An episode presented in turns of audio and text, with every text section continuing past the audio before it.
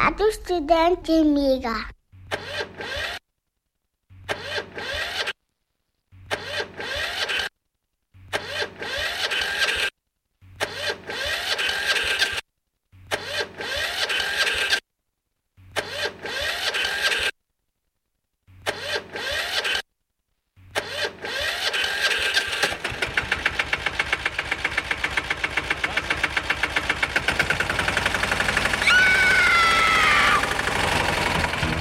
kaj pa je to? Ja, kultivator. Gre za neko vrsto apatije. To lahko reče samo kreten, noben drug. Socialni invalid in ga je ne mogoče urejati. Drugi kandidat. Pa, pa pije, kadi, masturbira, vse kako hoče lahko počne. Nihče tega ne ve. Vsak petek skultiviramo dogodek tedna. Lahko po kriterijih radio študent, težko pa po evropskih kriterijih. Ampak na drug način, kot vi to mislite. Kultivator vedno užge. Da pač nekdo sploh omenja probleme, ki so, in da pravzaprav sploh nekdo sproži dogajanje uh, v družbi. To drži, drži.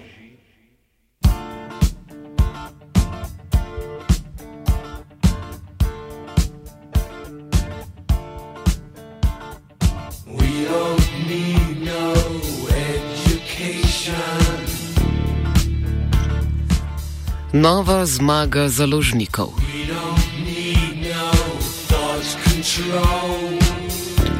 Kot smo že poročali, so bili v začetku tedna zbrani podpisi več kot polovice ravnateljev osnovnih šol za sporazum o reprodukciji avtorskih del. Ta ureja do zdaj neregulirano področje fotokopiranja avtorskih del v vrtcih, osnovnih šolah in srednjih šolah. Sporazum določa letni pavšal 1,7 evra na učenca letno, ki ga bodo šole plačevale slovenski avtorski in založniški organizaciji, krajše SAZOR. Ta sredstva bo šolam zagotovilo Ministrstvo za izobraževanje, znanost in šport, skupaj pa bodo znašala približno pol milijona evrov. Sporazum bo v veljavo stopil že z letošnjim letom. Kritiki sporazuma izpostavljajo, da je pavšal določen brez dobrih ocen, da so bili pogajalci strani izobraževalnih inštitucij slabo poučeni o problematiki avtorskih pravic, ter da so bili največji zmagovalci v slovenski avtorski in založniški organizaciji, z njimi pa veliki založniki.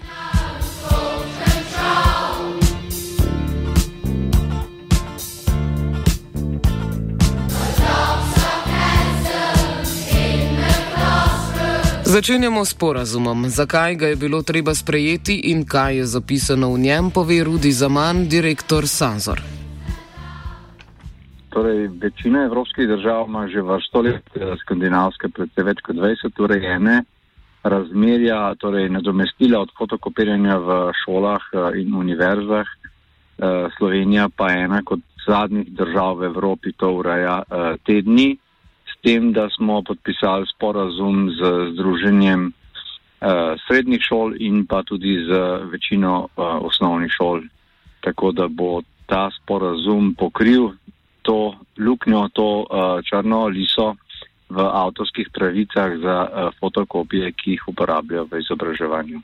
Torej, vsebino sporazuma je rezultat dveletnih pogajanj. Um, nekako smo imeli izhodišče po vzoru evropskih držav eh, na glavo učenca, da bi se kar s pavšalom, ker ne mogoče videti, kaj se fotokopira, eh, predno se to naredi kakšno zelo obsežno analizo. In sporozum obsega, da se na učenca ali dijaka na, za celo šolsko leto plača 1,7 evra plus DDV in s tem nekako učitelj um, srednji šoli ali pa osnovni, in potem bomo morda podobno naredili tudi z univerzami. Uh, z mirno vestjo fotokopira nekaj gradiva, ki obogatijo pouk.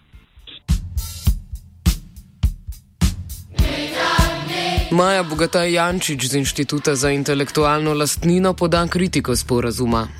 Moje mnenje je, in zato se tudi oglašam, Eh, kot strokovnjakinja, kot uh, davkoplačevalka, pa tudi kot mama dveh šolarjev, da se napak, ki obstajajo, pač ne odpravi tako, da se naredi nova napaka. V čem pa je napaka?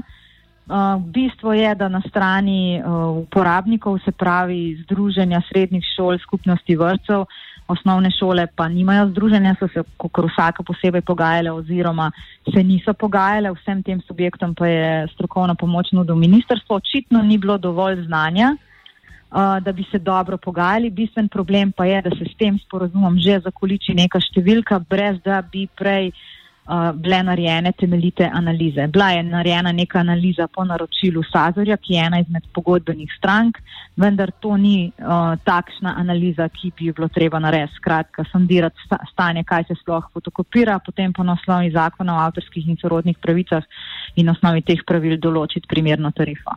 Ne, tukaj so se pa pogajali pogajalci, kjer jim je ministrstvo že vnaprej povedalo, da en denar je zagotovljen pogajali so se brez dovoljšnega znanja, uh, številko so zakoličili, dali v to sporozum, res pa, da so naredili varovalko, ki naj bi bila v tem, da zdaj se bo pa res začel analizirati in bo pedagoški inštitut naredil temeljito analizo, kaj se sploh fotokopira in po treh letih se bo to prilagodil. Problem pa je, da kdorkoli se je kadarkoli v življenju pogajal, ve, da kaj enkrat številka na mizi se pač težko zmanjša in tudi uh, ne vem, če so se pogajalci na strani uporabnikov, se pravi šol in vrtcev, zavedali, da se tak sporazum lahko spreminja izključno samo v skladu s pravili zakona o avtorskih in sorodnih pravicah, se pravi, da se morate obe stranki strinjati, tako da ne bo kar tako enostavno. Kako je bila določena višina pavšala, razloži za manj.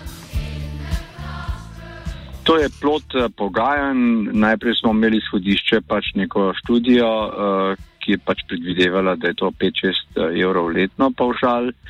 Uh, tuje države, torej evropske države, imajo različno od uh, podobne številke, kot smo mi sedaj izpogajali, pa tja do 24 evrov uh, v nekaterih skandinavskih državah, uh, vendar uh, pri nas ne smo potem ugotovili, da v tem triletnem prehodnem obdobju pač bo to tisto bi avtorjem in založbam za uh, to, kar se uporablja njihova gradiva uh, v fotokopiranju. V piratski stranki so do takšnega načina kritični, povedjen predsednik Rok Deželak. 1,7 eh, neto na učenca na leto, ta pošalj je iztrta izvita številka. Ne. Jaz mislim, da tega fotokopiranja danes v šolah v takšnem obsegu niti ni, oziroma pač, kot sem že prej tudi izpostavil, nekako bi mogli zapaditi v tako imenovano privatno rabo. Oziroma tudi nek šole že imajo neka določila tudi v samem zakonu, kjer v izobraževalnih procesih a, so upravičena do, do tega, da pač takih nadomestil ne plačajo. Um, zdaj, triletni rok, kjer se bo nekako preiskovalo, ali je ta pošaljni znesek uh, v redu ali ne. Jaz mislim, da bo raziskava, tudi če bo pokazala raziskava, da je ta znesek prevelik, se tega zneska definitivno ne bo zmanjševalo, ker če mu povečevalo, ne. kar pomeni še dodatna sredstva za Sazor in to je to. Ne. Se pravi, avtori tudi v tem smislu bi morali biti, če že, a ne dobijo denar uh, znotraj tega sistema, uh, plačani v celotnem znesku, če že, ne, ne pa, da se tu zraven še založbe. Namenjena sredstva se bodo delila med avtorje in založbe, razloži za manj. Torej, nadomestilo se deli v skladu z zakonom uh, uh, o avtorskih in sorodnih pravicah ZASP, ki določa, da se uh, zbrani denar deli 50% avtorjem, uh, eh, 50% pa založbam. Na vsazor je upisanih skoraj 600 avtorjev in nekaj čez 40 založb. No in ta denar se deli po zakonu, polovico enim, polovico drugim, znotraj tega pa po številu varovanih del, katere posamezni avtor ali založba pač ima avtorske pravice. Torej, če prav razumem, bo tista založba, ki ima recimo več knjig. Bo dobila več denarja. Sprva smo, prva leta, ko ni bilo tega denarja, ni bil samo nek manjši denar od uh, fotokopirnic in pa od uh, uvoznikov, smo delili pač per capita po glavi. Uh, sedaj pa, ko bo prišel ta denar od fotokopiranja, za kar je bil tudi Sazor ustanovljen, pa bo denar delil uh, po, najprej po zakonu pol-pol, uh, potem pa uh, po številu varovanih del in uh, to, kar predvideva naš statut, seveda. Državljank na drugi strani meni, da bi se morala sredstva nameniti zgolj avtorjem. Tu imamo situacijo, um, kjer uh, zakon tudi uh, govori o recimo, privatni rabi. Uh, tako tudi uh, Maja Bogdaj Jančič izpostavlja, da se fotokopiranje čez obseg uh, privatne rabe upravlja načeloma preko kolektivnih organizacij, ne prek založb. Uh, vsa pobrana nadomestila bi se mogla razdeliti med avtorje, ne samo polovica. Uh, tako da so si založbe tukaj izbojevali dobršen del sredstev, ki pa ne bi, sme, ne bi smelo biti njihov. Uh, pirati se strinjamo s to oceno. Uh, nekako iz um, 50. člena ZASPA fizična oseba lahko prosto reproducira delo, če pri tem nima namena dosegati neke neposredne ali posredne gospodarske koristi. V piratski stranki se strinjajo, da bi bilo področje potrebno urediti, vendar jih moti, da pogajanja niso vključevala uporabnikov. Pogajanja uh, niso vključevala stran uporabnikov, kot to določa ZASP, kar sem izpostavil, uh, vendar to ni nek, uh, kako bi rekel, feler, ki se je sedaj zgodil. Uh, vsa pogajanja strani, uh, v bistvu, ki potekajo od kolektivnih organizacij, se pravi, kompletnega spektra avtorskega prava v Sloveniji, uh, opažamo, da se uh, ali ne upošteva mnenje uporabnikov, ali pa celo niso reprezentirani v pogovorih. Uh, večino tudi komentarjev, ki smo jih kot pirati pošiljali na spremembe zakona od ZASPA, pa še potem sedaj novega zakona o kolektivnem upravljanju, ki bo posebno zakon urejal delovanje kolektivk, uh, niso upoštevali predlogov. In to so, to so nekako, pač, nekako modus operandi, ki ga potem vidimo tudi v državnem zboru, kjer se predstavljajo te interesi za to, predvsem, da dosegajo neke svoje lastne koristi, ne?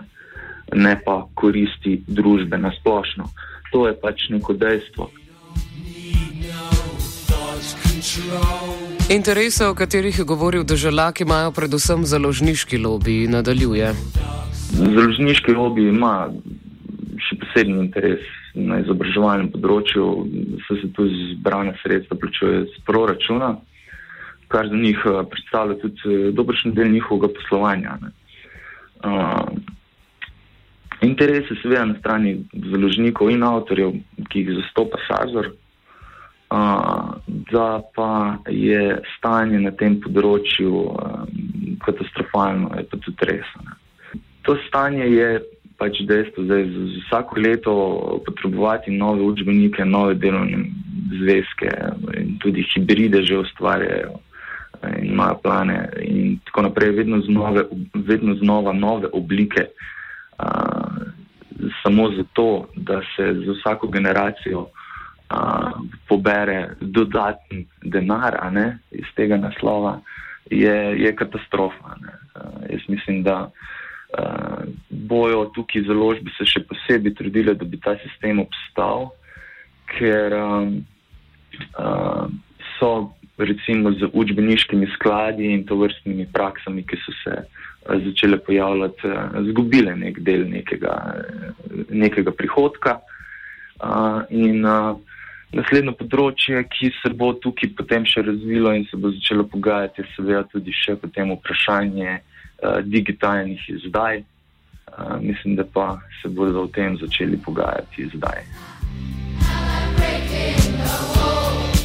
Kako so uspešne komercialne metode založnikov učbenikov videti v praksi, pojasni knjižničarka Jrneja Stoviček.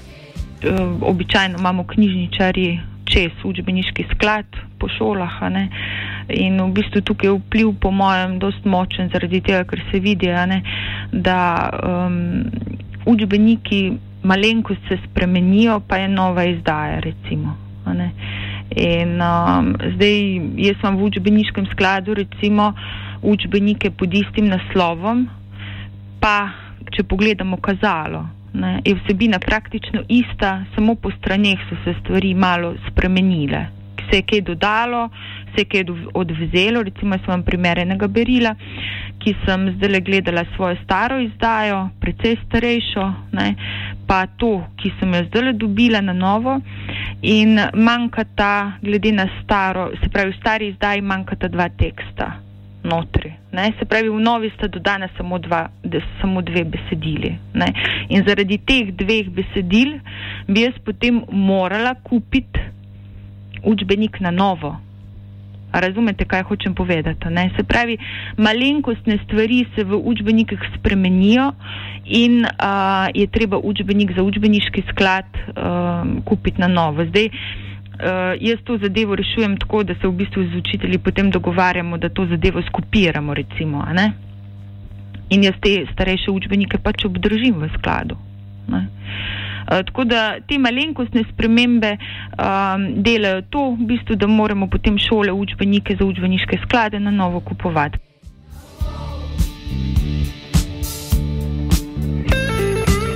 Založbe za svoj prostor na trgu uporabljajo vse bolj agresivne prijeme.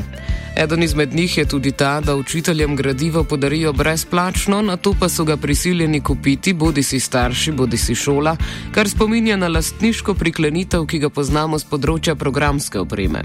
Jer Nejastoviček nadaljuje s primerom dovolj agresivna, vse čas bombardira šole, učitelje z razno raznimi obvestili, plus tega, da recimo daje tudi zastojne učbenike, delovne zvezke učiteljem, tisti, ki pridejo. Uh, Ki preidejo na njihova gradiva. Ne. Tako da tukaj je definitivno imajo veliko prednost. Oni v bistvu preko teh kompletov, ne, potem prevzamejo praktično kompletno gradivo za neki določeni razred. Ne. Sej potem so sledile še druge založbe. Ne. Definitivno so pa založniki zelo, zelo močen lobby pri nas. A, v šolstvo so zelo, zelo posegli. Ne. Jaz mislim, da bi jih mogli malo ustavljati. Um, ker preko tega gre tudi v, v šolstvo, udira ta komercializacija. Ne. V izobraževalnem procesu gospodarske koristi ne bi smele igrati vloge, meni državljak. Seveda, ne, to je izobraževalni proces. Ja, in tukaj um, si definitivno želimo, da bi ministrstvo za izobraževanje nekako določilo uporabo vseh teh uh, materijalov, učbenikov, oziroma izvestev v izobraževalnem sistemu kot res pomembno področje, za katerega bi se mogli vsi truditi, da bi bilo čim bolj prosto dostopno, se pravi, bi mogli čim bolj uporabljati tako imenovane odprte licence, ki bi omogočile to prosto rabo, po uporabo in tudi distribucijo v vseh izobraževalnih institucijah. Ne. V tujini že sledijo tem smernicam. Uh, in nek princip, da bi znanje moralo biti prosto dostopno, je tukaj ekstremno pomembno izpostaviti. Uh, učenci dijaki pa študenti bi morali imeti vso literaturo, ki je predpisana for free, ne, če se tako izrazim. Uh, zdaj, uh, sam ta sporazum uh, je pa tako, da nekako tudi vlogo države v tem smislu pri teh pogajanjih ni, ni, ni neko pravo bila določena. Uh, načeloma bi mogli izhajati iz interesa, da bi se zmanjševali stroškov države. Um, in uh, v izobraževalnih inštitucijah bi moral biti princip delovanja predstavnikov oblasti, da se uh, zmanjšajo stroški, tu pa vidimo, da uh, se namenja nek dodaten denar za ta področja. Državljak predstavi smernice, kako zagotoviti prost dostop do znanja. Zakon sicer že določa nekako. Uh, 49. pa potem tudi tam nekje do v 50. členu in še nadaljna. Eh, nekatere oblike, ki eh, v izobraževalnem procesu eh, imamo možnost, da se neke te reproducirane in takšne in drugačne oblike izvajajo for free. Ne.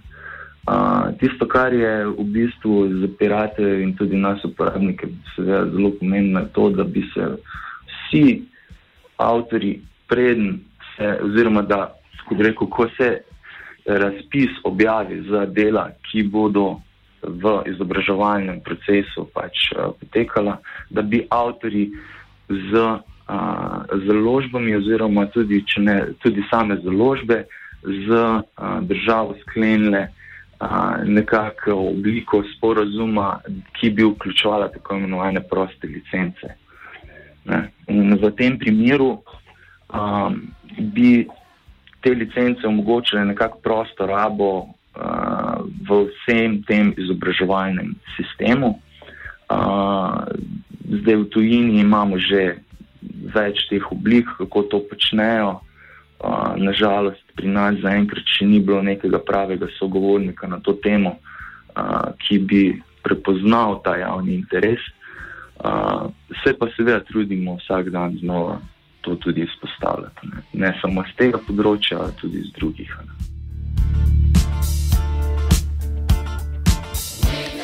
Kaj pa so proste licence? Proste licence ali tako imenovane odprte licence so uh, licence, ki se podeljujejo, oziroma jih avtor lahko podeljuje uh, za svoje dela uh, in omogočajo malo večjo fleksibilnost pri uporabi uh, avtorskih del. In so zato, zato pač zelo aktualne. Danes vidimo trend v svetu, kjer uh, se če dalje več avtori tudi odločajo za nekako individualno upravljanje z svojimi avtorskimi deli. Uh, in uh, v tem smislu je potem to uh, nekako zadeve so šle že naprej ne, v glasbi in tudi drugače. Uh, v softveru in tudi v literaturi poznamo, recimo najbolj znana je Creative Commons, uh, so pa še druge oblike, ki tudi dnevno nastajajo, tako da je to to.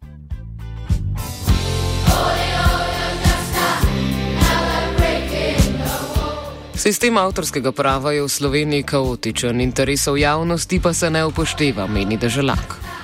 Lahko rečem, da se celoten sistem avtorskega prava je res uh, kaotičen v Sloveniji. Tukaj bi izpostavil, da sem res še enkrat na vseh področjih uh, premalo ali pa celo nič ne upošteva interes javnosti in uporabnikov. Um, in uh, nekako znana problematika kolektivnega upravljanja je že dolgo znana. Uh, pobrani denar se ne razdeljuje pravično, njihovo delovanje, se pravi kolektivnih organizacij, uh, niti ni dovolj uh, transparentno. In uh, upam, da bomo z novim zakonom tudi dosegli eno smernico, uh, ki jo je sicer določila že tudi EU, da bomo uh, ta sistem in uh, te sisteme uh, malo, kako bi rekel, upgradili in uh, ušli v korak s časom. Ne.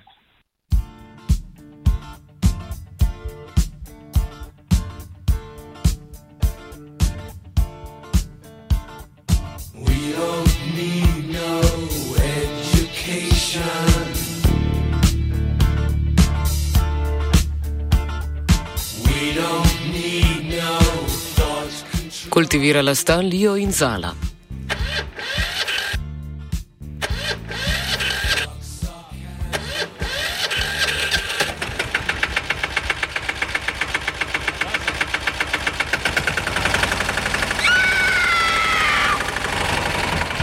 E, kaj pa je to?